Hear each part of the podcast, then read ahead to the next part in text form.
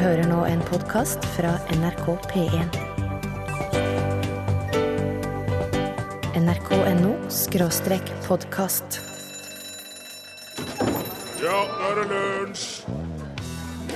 Jeg er en by med hundrevis av gater, og skal jeg være ærlig, kjenner jeg bare noen av dem. Jeg går på en ukjent vei, så fri, fri, fri, fri er jeg. Gratulerer med dagen, Anne Grete Preus. Det er i tillegg verdens vanndag i dag.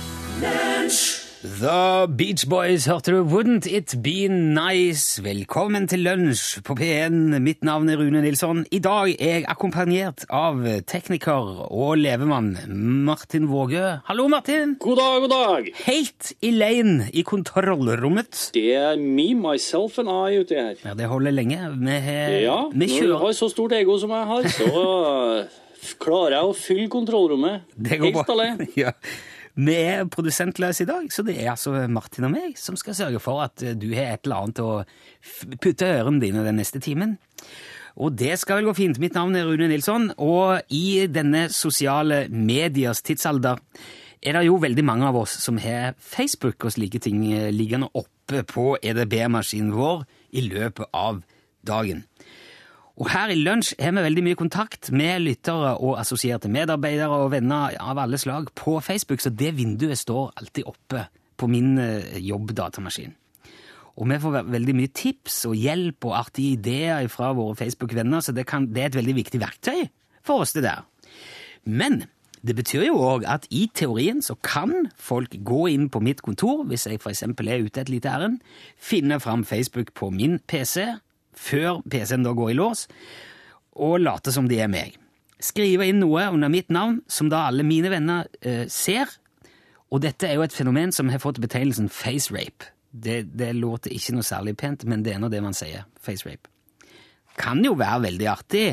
Man kan spille sine venner og kollegaer saftige, fine puss. og Det er jo en veldig lett tilgjengelig practical joke, kan man si. Og hvis man kommer på noe som er virkelig artig å skrive, så kan det bli veldig morsomt. Men eh, i går var det jo da min tur. Min såkalte venn og kollega Are Sende Osen satt klar som ei gaupe på en knaus da jeg gikk i eh, studio for å ha sending i går. Da smatt han inn på lette poter på kontoret mitt og skrev inn på min profil, altså under mitt navn. Jeg syns ikke Morten Abel er så bra lenger. Åge Aleksandersen, det er musikk, det. Og det la han da ut, som om det skulle vært et utsagn fra meg.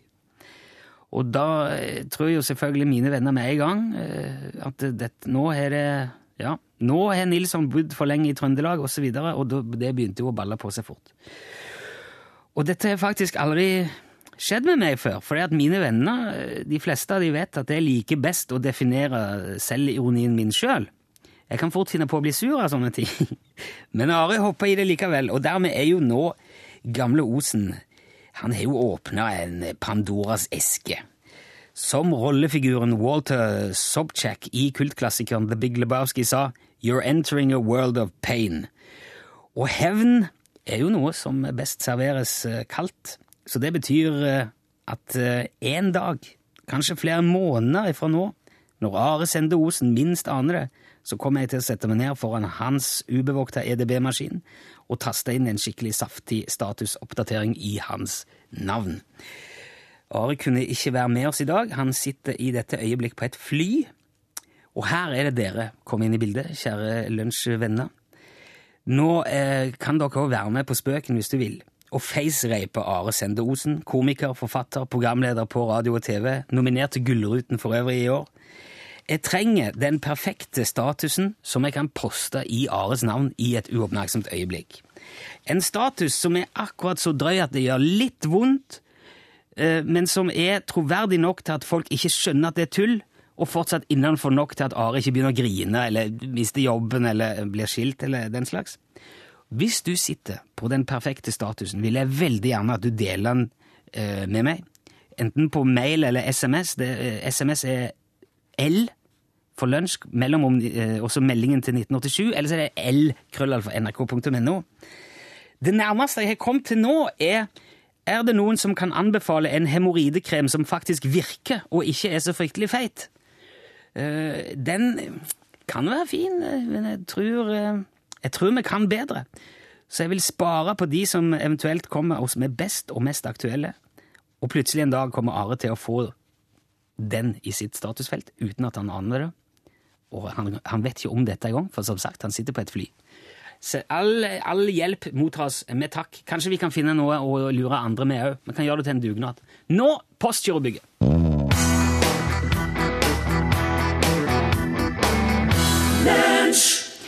Mosjøen er en by og et tidligere ladested i Vefsn kommune i Nordland. Den eldste byen på Helgeland, og i fylket er det bare Bodø som er eldre. Regionen er en av landets mest lønnsomme, og det er den økonomiske motoren på Helgeland. En vital og spennende by, med andre ord.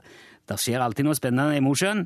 Derfor har vi òg nå gått til anskaffelse av vår egen korrespondent i Mosjøen, nemlig Berit Pauline. Mosjøen, Mosjøen, Mosjøen og Berit Pauline. God dag, Berit Pauline. Nei, god dag, god dag, god dag, Rune. Hei, Hvordan står det til i Mosjøen i dag, Berit Pauline? Her er det bare velstand. Sier du det? Det bestandig er. Ja, Og, ja, og vi her i byen, vi er jo en 13 000 innbyggere, og vi er bestandig opptatt av det samme. Vi er bestandig enige. Vi, er, vi, liker politikerne våre, så vi er til og med glad i ordføreren. er det sant? Ja, og så er vi jo byen midt i Norge. Det må jeg nå ikke glemme å si, selv om dere som sitter oppe i Trondheim mener at det er dere som er midt i Norge. Å ja, det er fordi Mosjøen er mer altså, geografisk midt i, altså? Ja, Ja, ok. Så det det, er vi altså. det er Norges- jo, det er Norges navle på et vis, eh, Berit ja, ja i, i høyeste grad. Ja. For de som kanskje ikke kjenner Mosjøen så godt fra før, hva er, hva er det dere er mest stolt av eh, i byen deres, eh, Berit Pølline? Vet du, jeg, jeg har ikke pass lang tid å forklare det, men vi har jo så mye. Ja, For det første er vi jo fryktelig stolte av oss sjøl. ja det skjønner jeg. de folkene som bor her. Ja. Vi er så mye flotte folk. Her er ikke noen originale. Men Å. her er så mye artige folk. Ja, ja. Ja, og så har vi nå så mye. Vi har nå den der Sjøgata. Den er nå verna, og den er nå verdensberømt. Ja, Og så har vi jo en verna park. Og så når du snakker om alt som var i Mosjøen, så må jeg si du at det var enestående mye flott. Og vi har jo den der flotte Dorstad kirke. Å ja, er det en Som, spesielt spesielt fin kirke? Åttekanta trekirke og, og Å, nei, vet du, vi har så mye. Vi har sier, sier, Ja. sjøen, og vi har Øyfjellet. Og da skal det bli gondol nå. Det er Gondol, 890 ba- Se- meter. Oi. Og nå kan vi få rett opp fra Sygato til, til Øyfjellet når den der gondolen blir ferdig. Ja, det blir saker. Det blir jo en, det blir jo turistattraksjon, må jeg si. Ja, det er jo klart. Jeg håper nå det blir min tid, så jeg òg får lov å fare. Ja. Men det er nå ikke godt å vite når de holder på, de her politikerne, vet du. Nei, men det er nå godt du er så glad i de, da. Ja, er det. For det er jo noe de sier er bra, og noe som ikke er bra. Men Ja. Er nå så lite politisk av meg at jeg syns det er bra alt de sier. Men nå, altså for å være litt mer sånn i, i, i samtiden, er det noe spesielt som skjer nå til helga? Har du sjøl noen planer for eh, weekenden, Berit Pauline? Noe du kan anbefale eller ser fram til i Mosjøen nå? Ja, vet du, nå er det Som sagt så er vi opptatt ut av tida. Og nå er folk i Mosjøen opptatt ut av påsken. Ja ja, så klart. Ja, og nå planlegges det. Både det som har med fjell å gjøre, og det som har med sjø å gjøre, og det som har med det kirkelige liv å gjøre. Ja, Så, og også selvfølgelig med handel og vandel nede i byen. ja, ja klart. Så det er litt sånn opplading til en hektisk tid, da, kanskje? Ja, til vår og Utrolig. Ja. Hele tida. Og jeg blir jo opplada av det sjøl. Uansett hvordan det er, hvor gammel jeg blir, så får jeg jo litt sånn fauler i magen når det blir påske, eller når det blir jul, eller når Ja. det blir pinse. Fordi alt det der er sånn andre finner på som skal være. Ja. Det er, det er Ja. mye som skjer i påsken i Mosjøen òg, da, regner jeg med? Ja, det er det nå. Jeg, jeg har nå tenkt meg på en liten hyttetur opp til Hemmavann. Du vet den der lille Ja. bygda oppe i nabolandet vårt. Ok, ja, det hørtes Der er det Ja. Ja. Der er det noe forskjellig som foregår. Mye handel. Ja, ok. Det er nå det her de snakker om, det her billigkjøttet og det her billigspriten og alt det her. ja, Det er noe nå det man kjører for, men, men du vet, det koster noe å kjøre og kjøpe bensin òg. Men jeg sier, ta nå bare og far på, for turen. Ja. Det er nå godt å komme seg hjemmefra og kjøre. Absolutt. Berit Pauline, vår korrespondent i Mosjøen, tusen takk for eh, din rapport. Vi ønsker deg en riktig god påske, og så håper jeg vi snakkes igjen. Nilsson og alle dere, i like så. I likeså. Ha det godt, Berit Pauline. Ha det!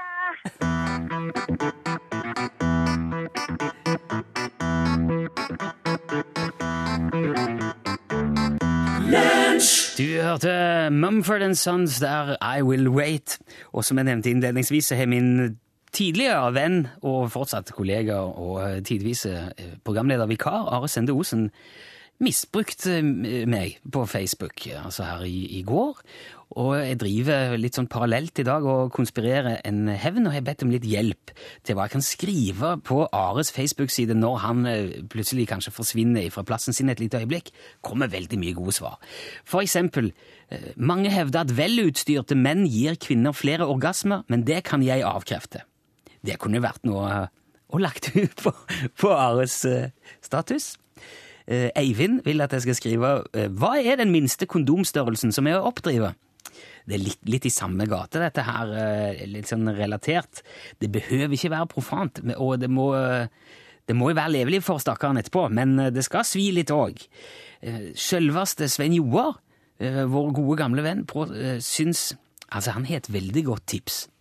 Han sier jo kan gå inn på Ares profil når han forlater eh, EDB-maskinen, altså, og så søke opp et tilfeldig navn, for eksempel Chong, eller sikkert Smith, eller eh, Jensen, eller hva som helst.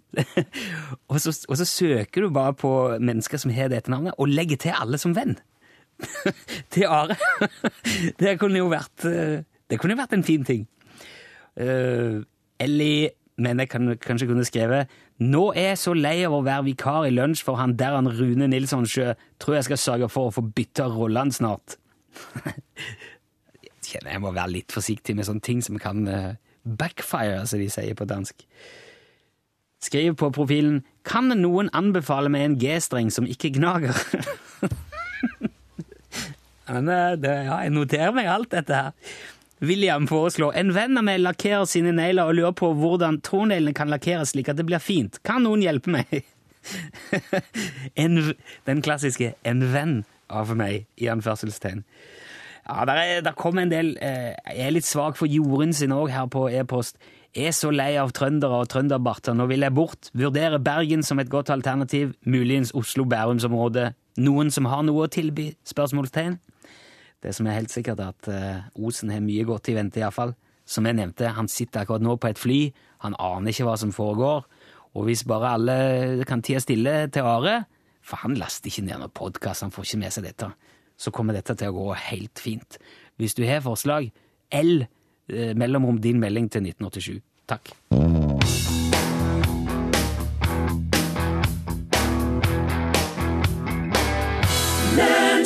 Jesse J og BOB sammen var det som spilte og sang Price Tag for deg. Vår eh, deltidsmedarbeider og periodepensjonist Ansgar Valdemarsen står jo på Lunsj sin eh, lønningsliste. Og det betyr at innimellom så får vi tilsett innslag eh, som han har laga, der han holder til nede på Sørlandet. I det siste har det vært mest kåserier. Og det må vi nesten sende når det kommer, for ellers er det rett og slett bortkasta lisenspenger, og det får vi ikke lov til å drive med. Så her får du nå dagens betraktninger fra Ansgar Valdemarsen. Våren er jo på mange måter en årstid, det òg. Selv om våren jo veldig ofte både bare kan ha snø og sol og regntunge skyer. Men for min søster Ankara har våren alltid vært en eh, tid for eh, blåskjell. Små store og runde og avlange og rette og vrange blåskjell i alle regnbuens eh, farger. Ankara pleide å plukke dem rundt påsketider, og dekorerte dem med kitt og glansa papir. Deretter gjemte skjellene som små overraskelser rundt i husets krinker og kroker, slik at familien kunne finne de og bli overraska og glade utover våren. Dette førte jo selvfølgelig til at jo lenger mot sommeren man kom, og jo varmere det ble i været, desto mer fremtredende ble òg lukten av råtnende blåskjell i huset. Noen ganger kunne far rett og slett bli litt irritert dersom ikke alle blåskjellene ble funnet før sommeren.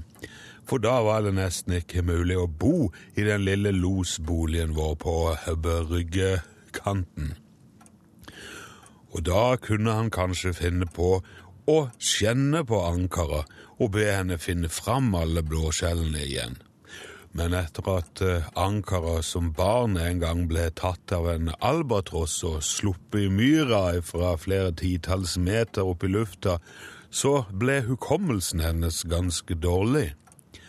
Enkelte dager kunne hun ikke huske forskjell på makrell og moped engang, langt mindre hvor hun hadde gjemt årets blåskjellskatter.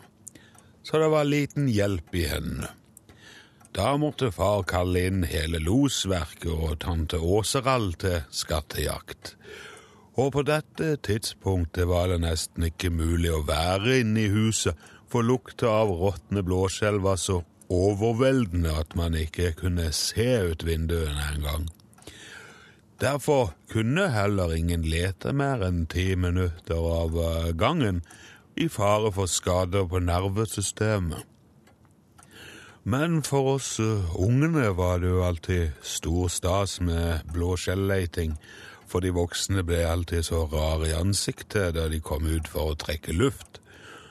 Losoldermann Mowinckel ble et år så grønn at de måtte seile han til Kristiansand for årelating. Men det året hadde òg ankeret vært særdeles flittig med skjellene sine.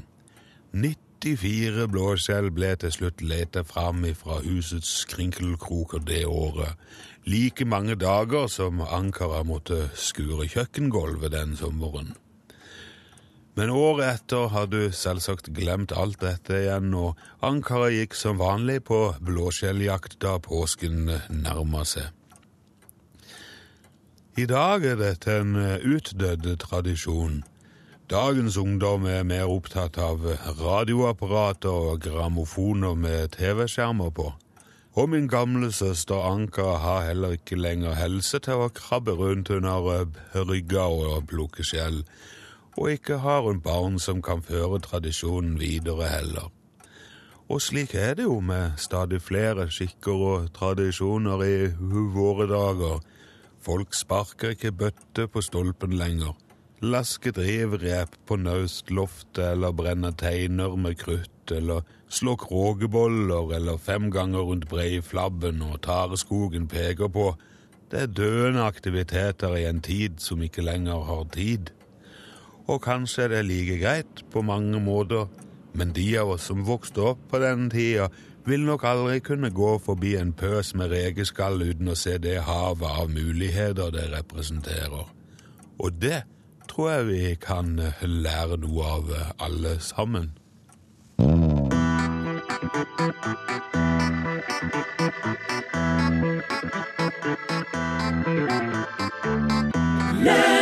Og uh, Aleksandersen og sambandet låten het Medvind, og Sunniva foreslår at jeg skal skrive på Ares Facebook-status.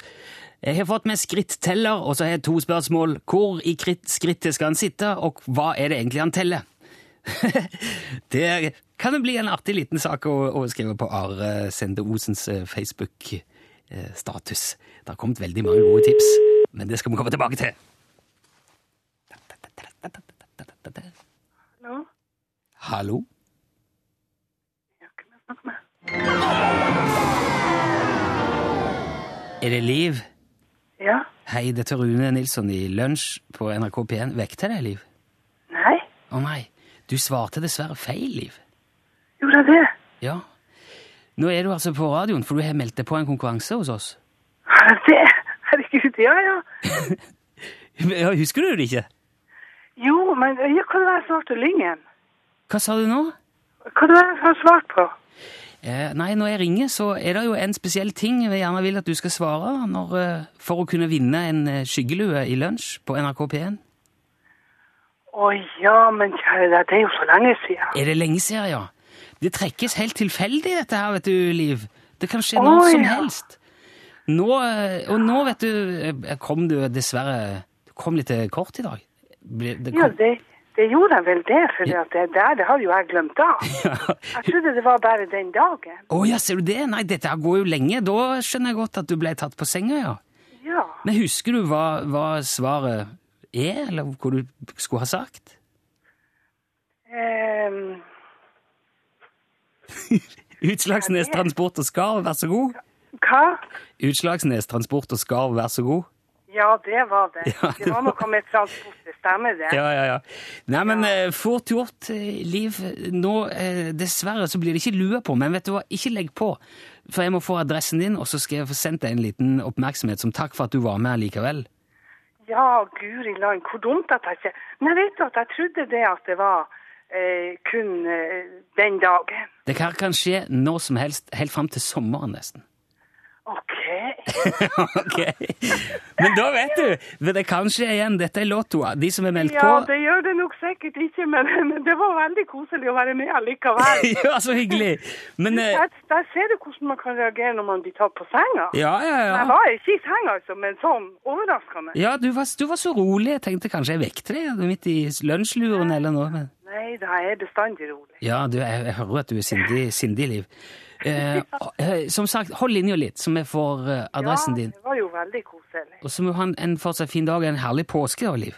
Ja, i like måte. Vi har et nydelig påskevær her i Harstad. Å, så herlig. Ola. Og nå er jeg egentlig på tur ut. Ja, ok. Ja, men det, bruk dagen til noe fornuftig. Kan ikke Ja, sitte inne ja. og høre radio hele tida. Nei, det går ikke an. Nei. Ha det godt, Liv. Ja, takk skal du ha.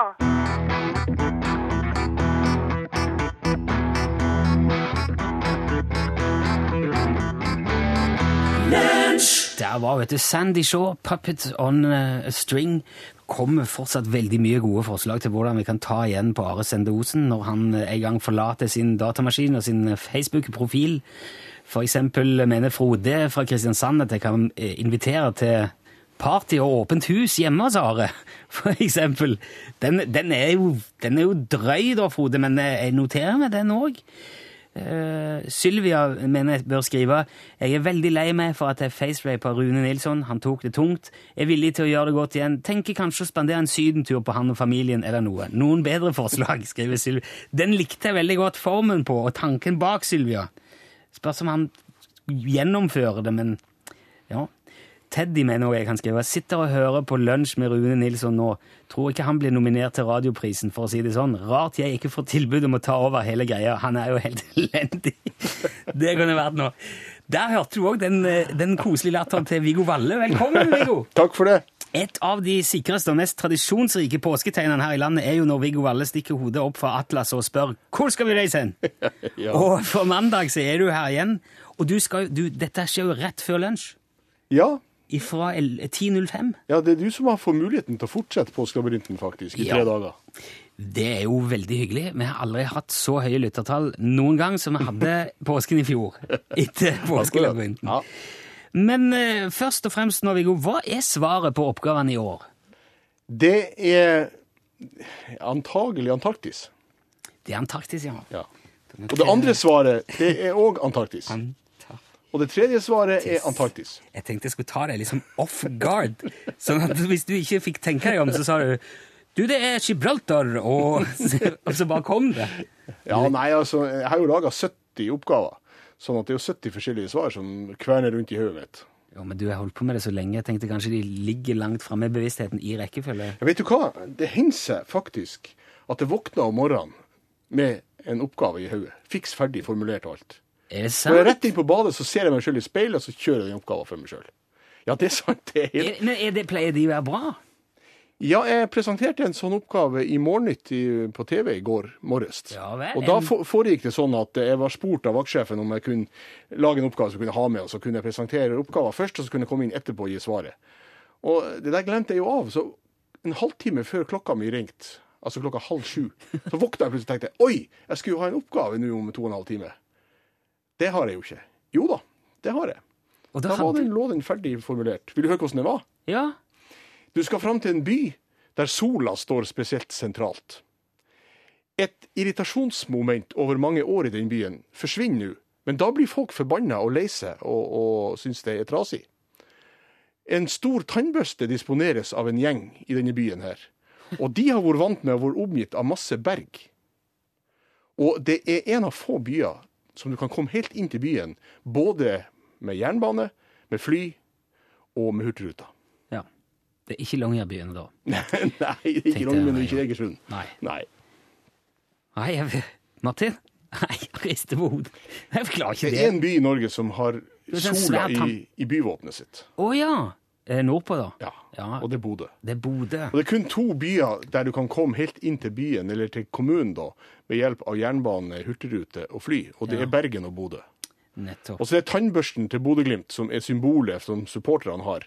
De har den med seg på tribunen og driver og feier bort motstand. Ja, ok. Og Berge og Harald Berg og Ørjan Berg og Runar Berg og sånn. Men sant? hvorfor er disse oppgavene så forbaska vanskelige, Virgo? Nei, men Kan må ikke ikke- du ha noe om, om noen plasser som jeg? Eller som for, Altså, jeg syns det er så vrient Ja, men Du må ikke spørre meg om det, for at jeg har den oppgaven i hodet når jeg våkner. Tror du folk googler, eller vet de det du spør Nei, de googler masse. Og så er det om å gjøre for meg å finne på oppgaver som ikke lar seg så lett google, for at det skal bli litt underholdningsverdi i programmet. Ja, Det er derfor du er så fiffig med alle de der språklige forbaskede Ja, jeg, jeg prøver jo så godt jeg kan, men etter hvert, etter å ha holdt på, som du sier, i 26 år, så ligger det jo nærmest i, i underbevisstheten eller i ryggmargen, eller hvor det nå er hen. Har du noen gang våkna en morgen og tenkt Nei, nå gidder jeg fanken ikke flere spørsmål? Og mange morgener. Sier du det? Ja, ja, ja, ja. Det går fort over. Ja, ok. Så det blir, det blir Hvor lenge skal du holde på med dette her? Nei, så lenge ledelsen i NRK syns det er OK å sette programmet opp på sendeplan, og så lenge folk er så vennlige som de er og ringer inn og deltar og, og maser på meg at de må ha det, så tror jeg altså, Noen år til blir det nok. Det er vel Norges mest pålytta radioprogram, er det ikke det? Jeg, jeg bruker å si det at eh, det er bare Nord-Korea som kan vise til større lyttertall. Ja, det er jo sånn eh, Ja, det, det er helt på høyde med Nytt på nytt-formatet, i alle fall. Ja, jeg er jo stolt av at et radioprogram, eh, punkt én, har så mange lyttere og kan konkurrere med antall seere på TV. Og punkt to, at det blir laga utafor Marienlyst. Det syns jeg er litt stas. Ja. Vi tar med oss det.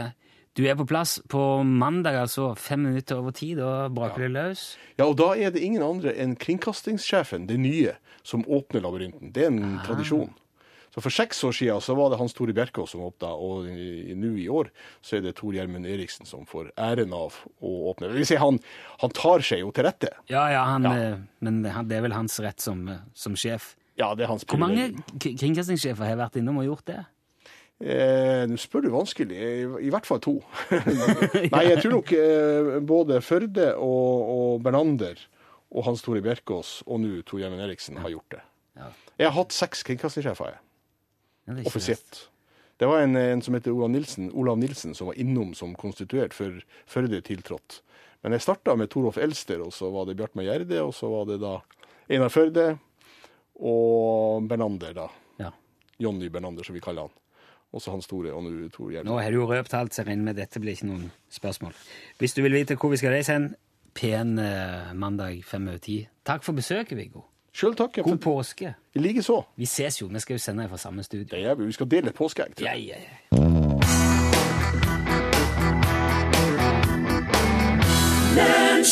Sean Bartlett hørte du der. Love, give, take. Tusen takk til alle dere som har bidratt med fantastiske og fremragende forslag til hvordan Are Sende Osen kan henges ut på det groveste på det sosiale mediet Facebook. Jeg skal ta vare på alt dette, gjemme det i en skuff, og plutselig når Are ikke er ved EDB-maskinen sin, så smeller det til. Kanskje for eksempel eh, med Eh, noen som har billetter til Justin Bieber-konserten, begynner å grine snart om jeg ikke får tak i. Eh, den var fin, Maria. Eh, eller kan de jeg har hatt sex med det siste året, være så snill å ta kontakt? Den, den syns jeg òg er lovende. Uh, og så Det var en. Ja, fra Morten. Grunna feriekrangel byttes halve innboet i et velutstyrt hjem mot to flasker brennevin. Haster. Det kunne òg vært. Eh, tusen takk. Jeg skal ta vare på. Som sagt, Are er ute og flyr. Ikke si noe til han, er du snill. Eh, Han kommer aldri til å finne ut dette hvis vi bare holder sammen nå. Martin, du har en liten lyd på tampen. En helgelyd. Ja, eh, det, er, det er en liten pusselyd, det her. Du Ja. kan få høre den først. Ja.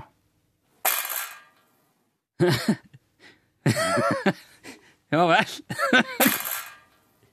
er det noe som Er det Er det rist, eller når du drar i Nei, nei, nei. Det er en liten gladlyd, vet du. Så når, altså, det, det er jo sånn når man skal gå hjem for dagen, Ja. da pleier jeg å lage den lyden der enkelte dager. Sparker du i noe? Nei da, det er Du vet, nå har jeg gått rundt i gangene på huset her noen år. Ja. Så du vet den kunsten som henger i produksjonsfløya, der er det sånn steinting så dunker man litt i og sånn, ikke sant? Og så henger det litt skilt rundt forbi og sånt. Ah. Og de der skiltene som det står Studio 20 på utafor her, de er jo en sånn tjukk aluminiumsplate og sånn. Ah, okay. Men det der er ikke noe tjukk aluminiumsplate. Nei. Den dagen de skulle lage skiltet utafor K23 Dette er veldig internt. Ja, ja, ja. så- Men, men da, da fant de noe blekkskrammel i en krok. Aha, og det er Og jeg syns den Det er en gladlyd. Den er så komisk og dum, den lille lyden der. ja. Dette går i. Men, Ja, ja, ja. ja. Det er jo brannslukningsapparat. ja. ja, veldig fint. Dagens, eh, fredagens lyd. Takk skal du ha, Martin. Da, Hilde Mathilde Zahl, er det, da er det du. Ja, det er det. Det var lyden av fredag, det der. Ja, altså. den der, eh. Ja, var kjempefin, den der. Skal ha den. Hva har du fylt uh, norgesklasse med i dag? Åh, I dag er norgesklasse av sånn der en premieslag. Rett og slett, Rune. Så herlig. Det er så mye kjekt. Du, nå må jeg teste litt. Er du glad i bøker, du? Ja, veldig glad i bøker. Jeg, jeg, jeg, er- vet du, jeg var glad i bøker før, men nå har jeg blitt så elektrisk i hodet at jeg eh, Ja. Det er lenge siden jeg har lest bøker, men jeg er glad i bøker. Jeg er jo det. Jeg skal få deg inn på de eh, gode baner igjen. Hvem er The Joy of Chickens?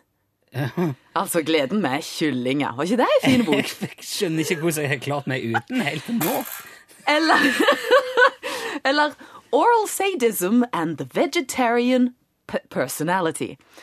Det høres ut som noe jeg kunne skrevet på Ares Facebook-profil. Ja, ikke sant vel? Det er jo det. Men dette her er faktisk navnet på ekte bøker som, eh, som har blitt gitt ut. I dag blir årets rareste boktittel kåra i England. Det skal vi høre mer om i Norgesklasse, men først Dagsnytt.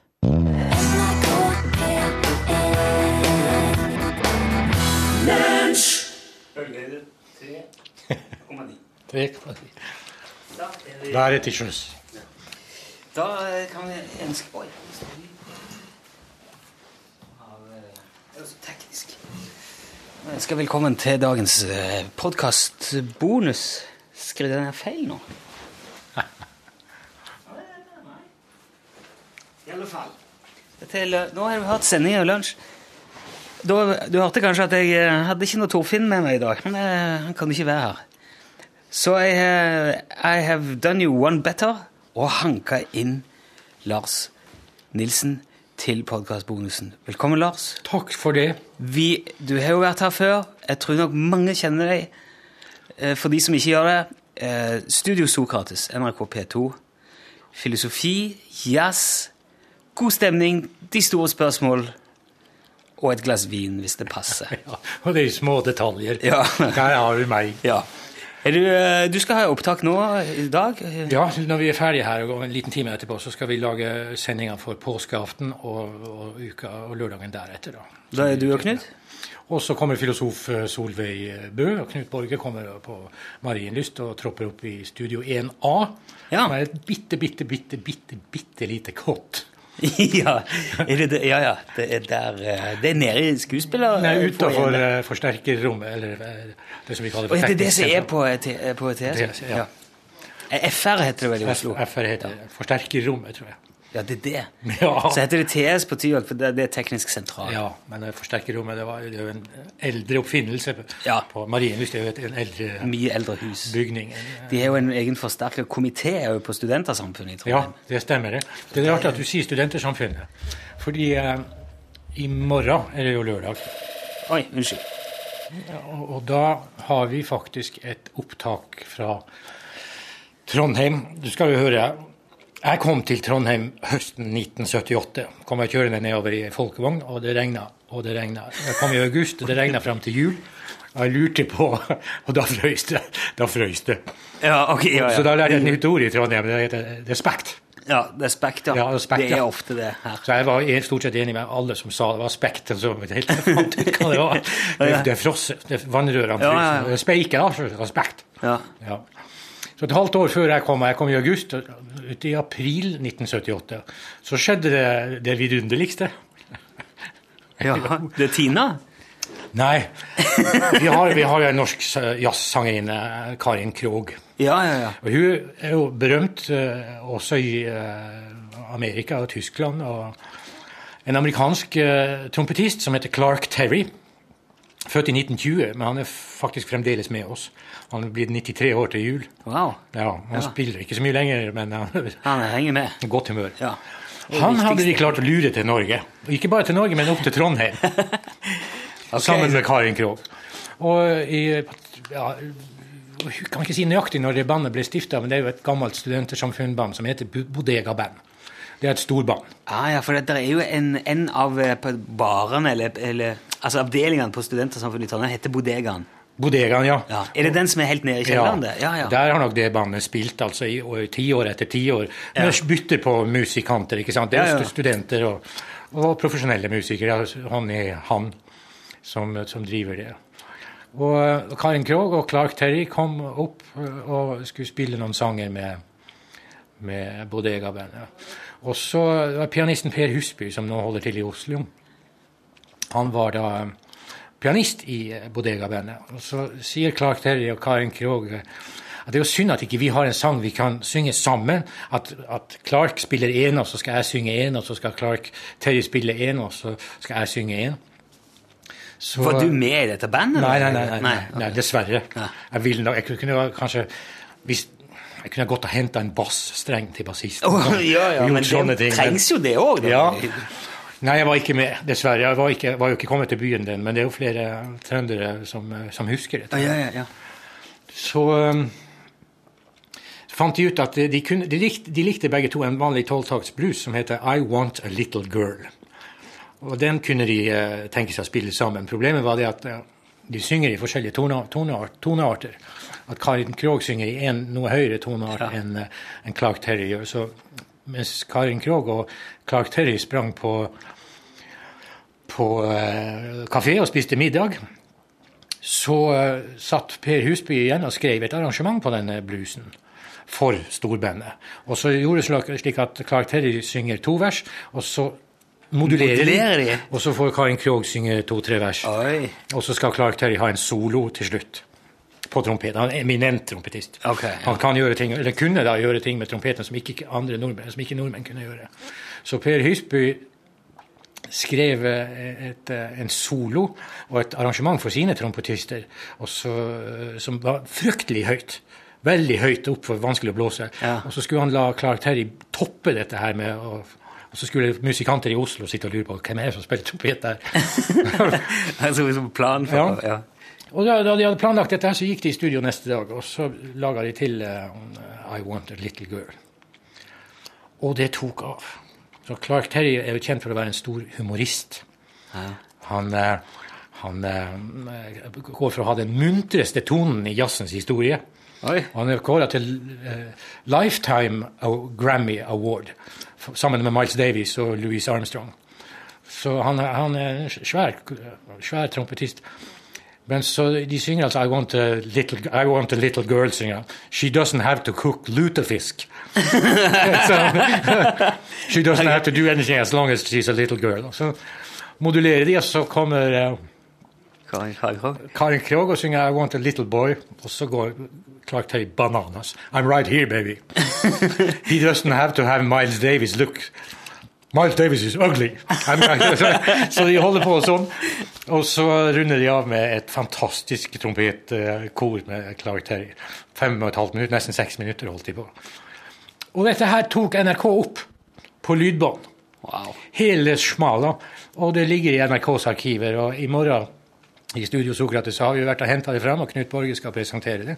Og så skal vi klinke det av gårde. Ja, det gleder jeg meg selvfølgelig til. Oh, wow! For det er så morsomt. da. For en rosin! Ja. Ja. Trønderske musikanter og trommeslagere og tenor, altså saksofonrekka er trøndersk. Og, så det er jo veldig, veldig artig. Og For de som hører podkasten i dag, fredag eh, 22. når? P2 i morgen I morgen klokka 13.30 13.30. etter ukeslutt. Altså Vanligvis så hører jo størstedelen av P1s lyttere hører jo på Pils. Ja. Populærmusikk ispedd litt Sladder. akkurat på den tida som Studio Sokrates går i den andre kanalen. Men det går jo an å gjøre en liten twist. Ja, gjør det. Det skal jeg gjøre. Så får du Karin Det Krogh der skal jeg havne i. og Clark Terry. Fantastisk. Veldig morsomt. Hva er det som eh, står på eh, menyen sånn, for opptak i dag? Er det noen eh, spesiell filosofisk retning som skal luftes ut? Vi hadde det er et brev jeg fikk fra en lytter for seks-syv måneder siden. Foreslo at vi kunne ta opp Karl Marx. Karl Marx? Karl Kalle. Karl Marx. Han er gamle Kalle. Ja. Det kommunistiske manifest? Ja, riktig. Han er jo en veldig omstridt filosof, ikke sant? og det er mange som har diskutert, og mange som mener at de har den riktige tolkninga, at alle andre tar feil, osv. Og han, da, da han ble gammel, Marx, og begynte å slå igjennom, så var han jo i et herreselskap og spiste middag, og da sa han til sine venner at 'jeg er ikke marxist'. Så, Det tror jeg jeg hadde hatt vondt for å tro på når det kommer Ja. fra Karl Marx. ja. Nei, han mente at folk tok han i feil retning. Ah, ja. De tok han med seg i feil retning. Altså, så han tok med, med, tilla han ting han ikke hadde tenkt. Men i alle fall, vår venn som skrev til oss for seks måneder siden, han hadde gått på studiesirkel.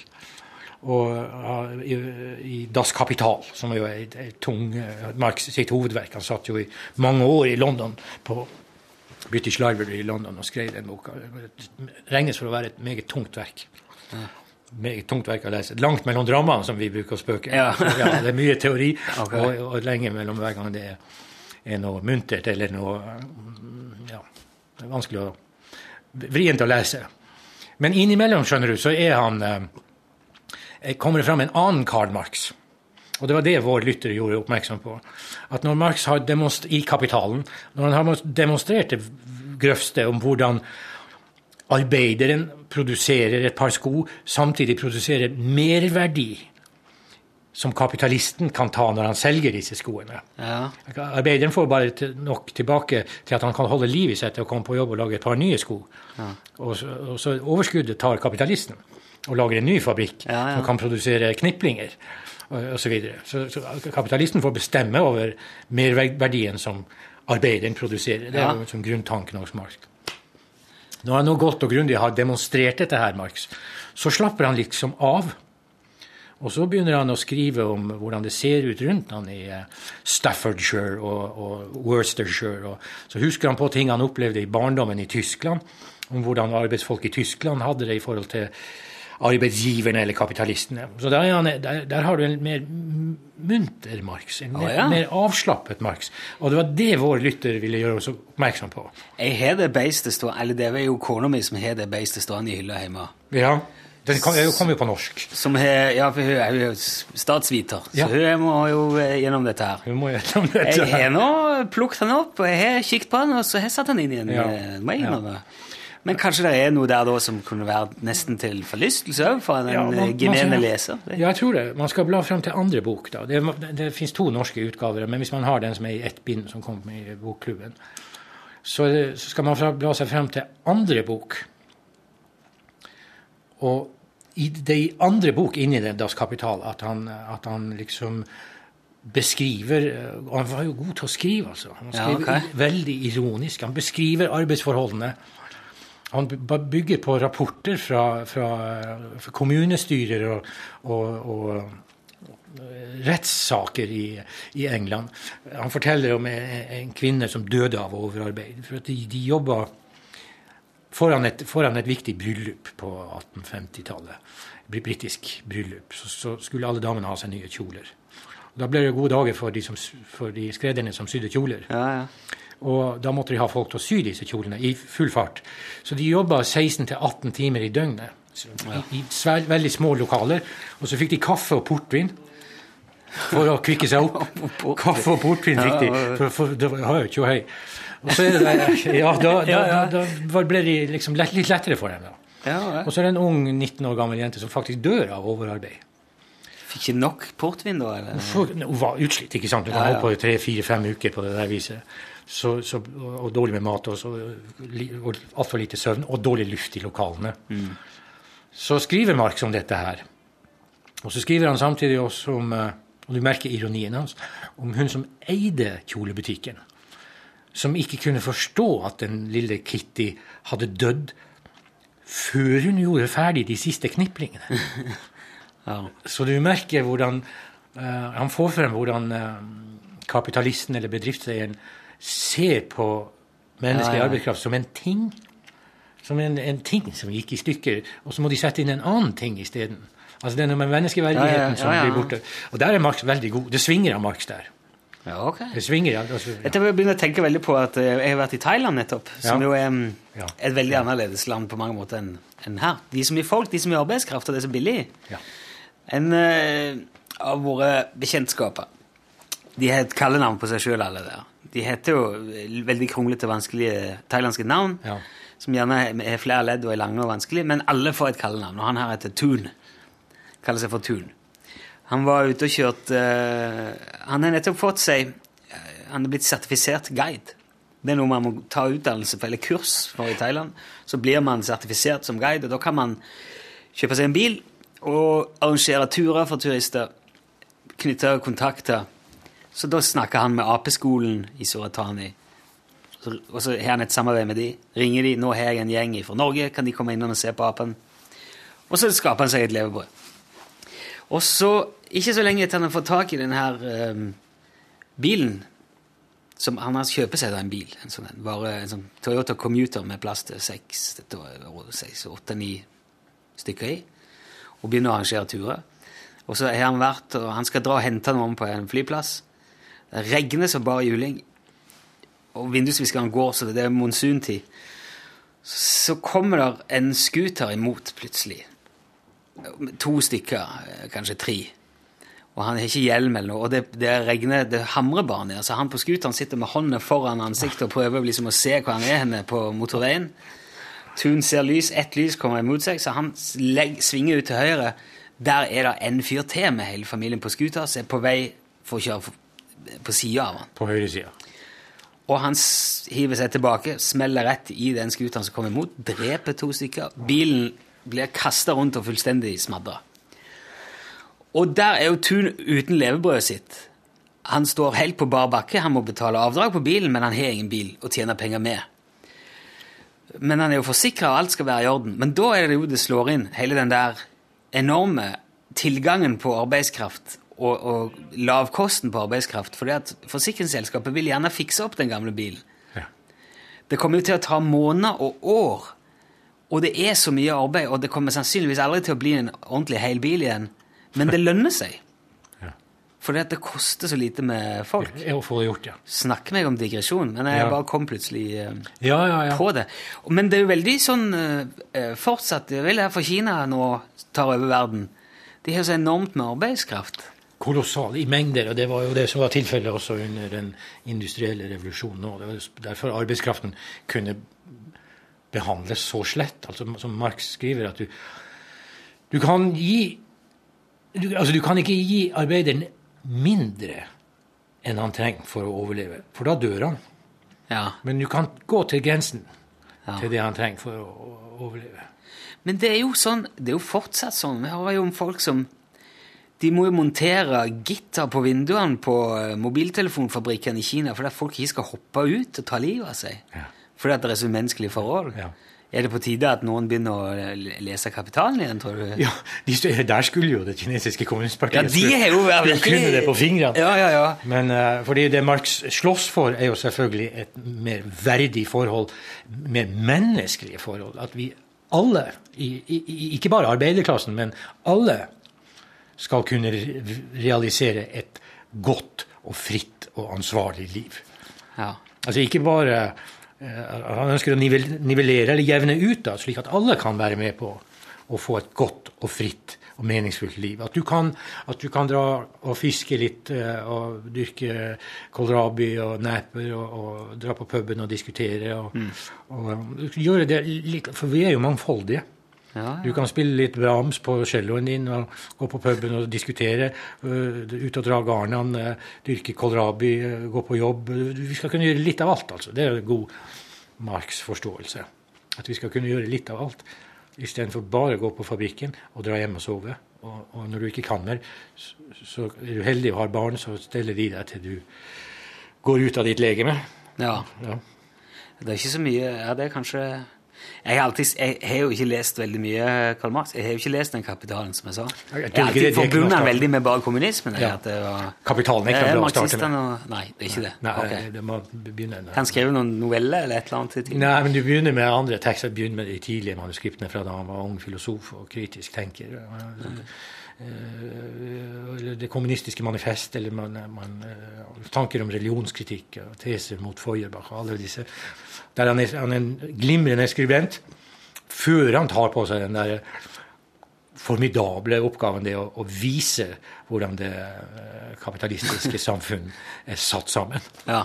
For Det er en stor oppgave. Ja, Ja. det var en svær oppgave og tok årevis. Hørte du du, Jeg vet ikke om du jeg vet du sa du Av og til får du med deg litt lunsj når du har vært i Ja, treningsrommet. ja, jeg gjør det, jeg gjør Fikk du med deg den konspirasjonsteorien som Torfinn eh, eh, gjenga her forleden? Som visstnok er i ferd med å få litt sånn feste, spesielt blant yngre folk nå. Om at eh, ut, altså hele det konseptet med høyere utdannelse og ja, altså at, at, at ungdom skal komme seg i, i altså få tatt seg en utdannelse og komme seg i jobb, Ja. er en slags sammensvergelse bare for at de skal ta opp studielån. så man skal få, skal, man skal få satt sjaklene på, på dem ja, ja. og få holdt dem på plass. Ja. Det, det, det, tyskerne spøker mye med det der. Da, velkommen til låntakerklassen. For når du, først, Ja. når du først har kommet inn der, så kommer du deg ikke ut igjen, vet du. Nei, men det var det vi endte opp med å diskutere. Du, på et eller annet tidspunkt så gjør du jo det. Ja, Altså Når du får betalt studielånet ditt Ok, kanskje du da har hus og både bil og båt og alt det der òg, men hvis du da vil backpacke og interraile, så selg det du har, og ta med deg eh, Du må ta mer drastiske skritt, da. Hvis du da vil det. Når du er Ja, ferdig med kjerring og unger og bikkje og svigermor og båten og hele greia. Og Jo, men på mange vis har du aldri vært mer fri enn da. Nei, på et vis, så på mange vis har du aldri vært Nei, nei, Men det er ingen som har sagt at det er lett å være fri. Nei, nei, på ingen måte. På ingen måte. Det det er det at du, du, du våkner, Kanskje det går i stadier, sånn du vet babyer må lære å krype før de kan gå. Og kanskje voksenlivet også har stadier. Et stadium for backpacking, og, og et for å være far og, og, og, og ektemann og eh, kontorist og, låntaker osv. Låntaker. Ja, Så det er en beskytta tittel? Låntaker? ja og, og et stadium for å sitte med et fjollete smil og snakke med barnebarna om, Ja. om hvordan det var å være backpacker.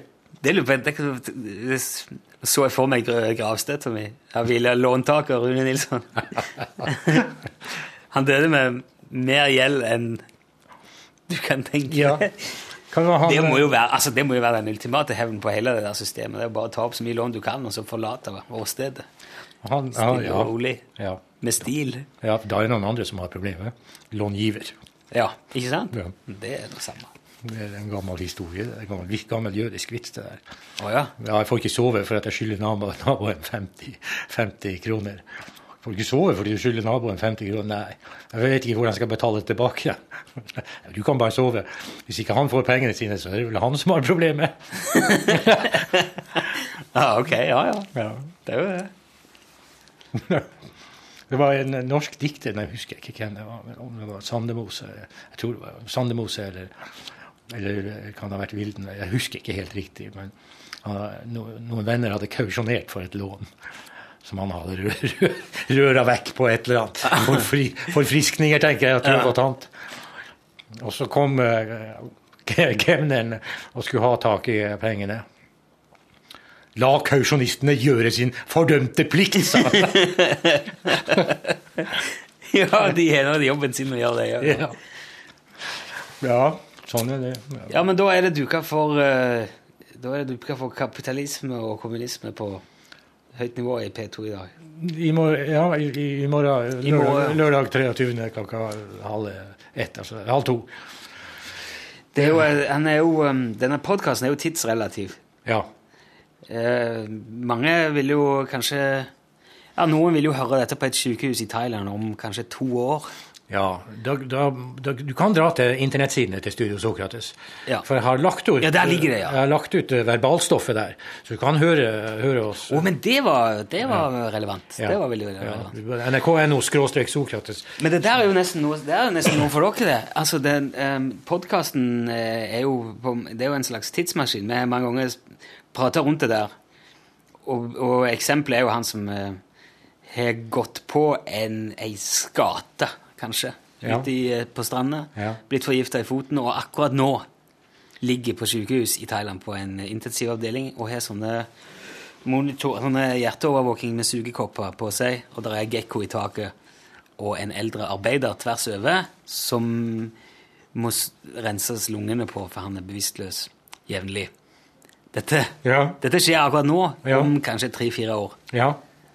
Ja. mens du sitter og prater. Ja, ja, ja. Ja, får du hodet rundt det? det? Nei, det er vrient det der, men det er jo eh, det er jo gammel visdomsord som sier at når du først har ytra deg, så er ytringene dine fritt vilt. Du aner ikke Ja, i hvert fall nå. hvilken retning. Også nå med podkaster. Ja, ja. Jeg, jeg får jo meldinger fra folk som går på Gran Canaria og lytter til podkast på ting vi gjorde for tre år siden.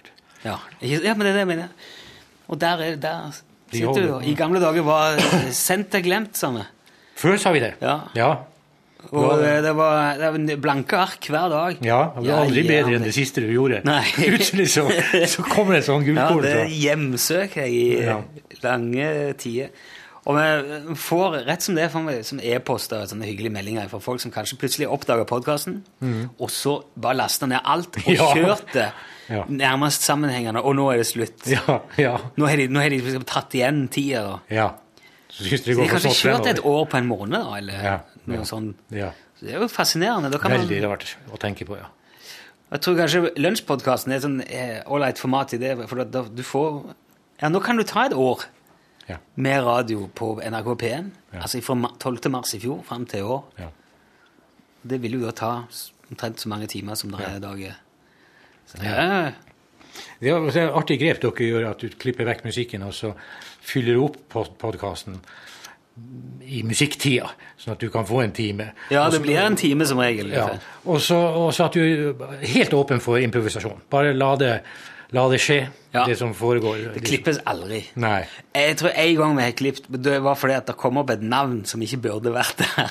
Ja. Det var en gammel musikerhistorie, men nå er det Ja, en seksuell utsvevelse av greier Ja, som ikke var, ikke var vits i å ha der. Det gikk litt varmt. Jeg tror det var Sola Johnsen som var Ja, det kan vi ikke ha. Det, vi, vi sparker ikke folk som ikke har gjort oss noen ting. Nei, nei, nei. nei. Men ellers er det veldig åpent. Og jeg, har mange ganger tenkt at s- Kjære vene, hvem er det som orker å sitte og høre på Ja. dette? Men um, det er jo eh, det er, faktisk, det er faktisk mange som har gjort det, og enkelte som syns at bonusen er det artigste. For det er virkelig ikke noe filter her. Og jeg pleier, pleier, vi pleier jo å si det at hvis du er så dum at du har lasta ned dette her, ikke liker det og fortsatt hører det, da har du kun deg sjøl å takke. Så Ja. da er det ikke synd på deg. Ja. Nei, jeg har jo kjøpt, Det er jo en historie. Det heter å amortisere, siden vi har snakka om Marx og kapitalisme. Når en, når en kapitalist kjøper en maskin til fabrikken sin, så koster jo den penger for han. Ja. Og Så man setter den i, i drift, da, slik at den maskinen kan begynne å betale ned seg selv, og samtidig å skaffe penger til kapitalisten Ja. for investeringer. Er som- Det heter å amortisere oh, ja. på fagspråket. Amortisere. Amortisere, ja. Så dikte, norske dikteren Johan Borgen eh, og Han hadde en bror som var maler. Og så hadde de hytte på Sørlandet. Jeg husker ikke hvor de hadde en hytte. i hvert fall. Og han, han skriver om det selv, så det er ikke noe, det er ikke noe hemmelighet. Så hadde han kjøpt seg en sodamaskin en sånn bryst. som kunne lage selters. da. Ja, ja. Og da reiste han og broren maleren Han og Malin reiste ned på hytta for å amor amortisere denne, denne seltersmaskinen med whisky. ja okay. Og Borgens kone var litt furten, da, for at eh, de kommer til å amortisere den helsikes sodamaskinen hele sommeren på verandaen. Jeg kjøpte nylig en, eh, en opptrekk og en flaskeåpner. Som du kan montere på veggen. En sånn liten Ja. Red Star bottle opener. ja. Og eh, kona mi syns han er harry. Men jeg skal ha den ute. Jeg skal ha den med grillen ute på husveggen. Ja. Den må jo også amortiseres på et vis. ja, klart det er helt, helt, helt åpenbart at det nå det. Men det spørsmål hvor mye, hvor mye, hvor mange pils må du liksom åpne med den før du kan si at dette her har lønt seg? Det var ikke all verden han kosta heller, strengt tatt, men det er jo ikke mye fortjeneste på det. Nå er han nedbetalt. Resten er ren fortjeneste. Fra nå av er dette her ren fortjeneste. Kan du si til naboen din? da? Jeg ser på tredje året, når du står der og knapt klarer å få flaska inn i åpningen. Så det, dette her, ren profitt! For mange år siden hadde kona mi et program som het Småfolk, som handla om små, små er en gruppe som går hjemme, vet du, med mødre med, og fedre med, med pappa og mamma på permisjon, som Ja, er hjemme med småfolka. Og så var det snakk om uh, avvenning av bruk av uh, smokk.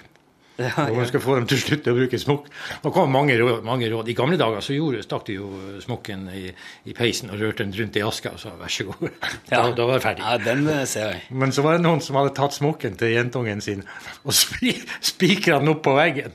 Og derfor jeg kom på med den korkåpneren din. De spikra den opp på veggen ja, 7-8 cm høyere enn jentungen var. Så hun måtte stå på tær da med smokken i kjeften hvis hun ville ha den. Der sto Ja, det er jo ondskap. Ja, den var litt, den var litt på kanten, den der, synes jeg. Men nå driver de jo og reiser til, til Kristiansand og hiver han i smokariet til Kaptein Sabeltann. Og han har smokarium der. Ja.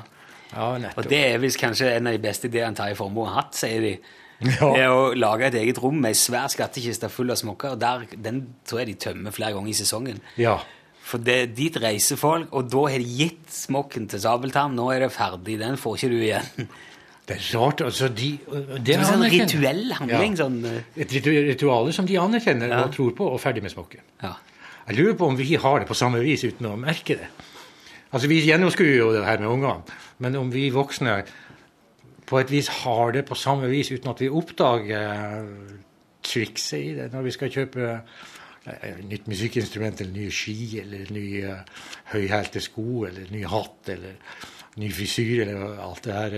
Du vet nå Ja, ja. alt det her vi bruker for å holde angsten på avstand. om, det, om det er det samme. Om det, det er det samme en slags rituell greie vi gjør for å, for å Om det er noe som kan, eh, som, som kan sammenlignes. Jeg klarer ikke å komme på hvordan det jeg, Det er vel mer at det, det kommer jo så mye eh, artige ting hele veien. Jeg er, sånn, jeg er veldig glad i ting. Ja. Jeg har stor fascinasjon for ting. Duppeditter. Ser du den? den, den? den? Eh, Saftflaske. Nei, det er En Den blå der borte. Det er kontorkjøleskapet. Å, Ja. Så har du pakket leverpostei og en stangel makrell, og så en uh, ja. Går den på strøm, da? På strøm. Ja. Han er kald som. Han er iskald. da. Og så kan du flippe den unna, så blir han varm. Varm. det er sant. Jeg vet ikke hvordan, men eh, han gjør det, da. Sånn som det der. Det koser jeg meg veldig med. Og av og til så kommer, så kommer det noen ting som er bare nyere utgaver av ting jeg allerede har. Det er et forferdelig dilemma. Fordi Fordi at jeg har forferdelig lyst til å bytte det ut, men jeg sliter med å rettferdiggjøre det, fordi at det, det jeg har, virker jo godt. Ja. Og der oppstår det veldig mye Nå har jentungen fylt seks år. Hun har så stor glede av å bruke iPad at nå kunne jeg gi hun den gamle og kjøpe ny. Nå skal du få ha den. Det, det, det, det funker. Da har jeg rettferdiggjort å bruke et par tusenlapper på en ny iPad Mini som jeg kan ha med i veska mi. Ja, Og så er jeg veldig glad med det. Og det er akkurat som å få, nesten som å få iPad på ny. Så lukter det godt av den. Ja. Det hele den der med å pakke det opp.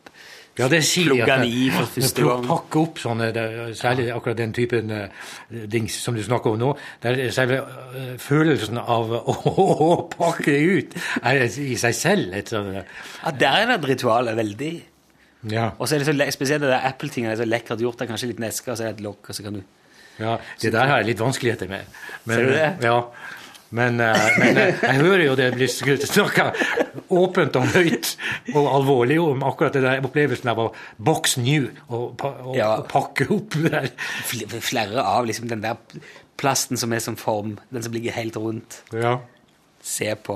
ja, Kjenne Jeg, er ikke der ennå. Jeg vet ikke hva det kommer av. Jeg har ikke fått til det der ennå. Jeg bannes litt. Jeg kjøpte en ny sånn harddisk som skulle legge inn. et- Min computer hjemme tar 1 time og 20 minutter for å komme, komme opp og gå.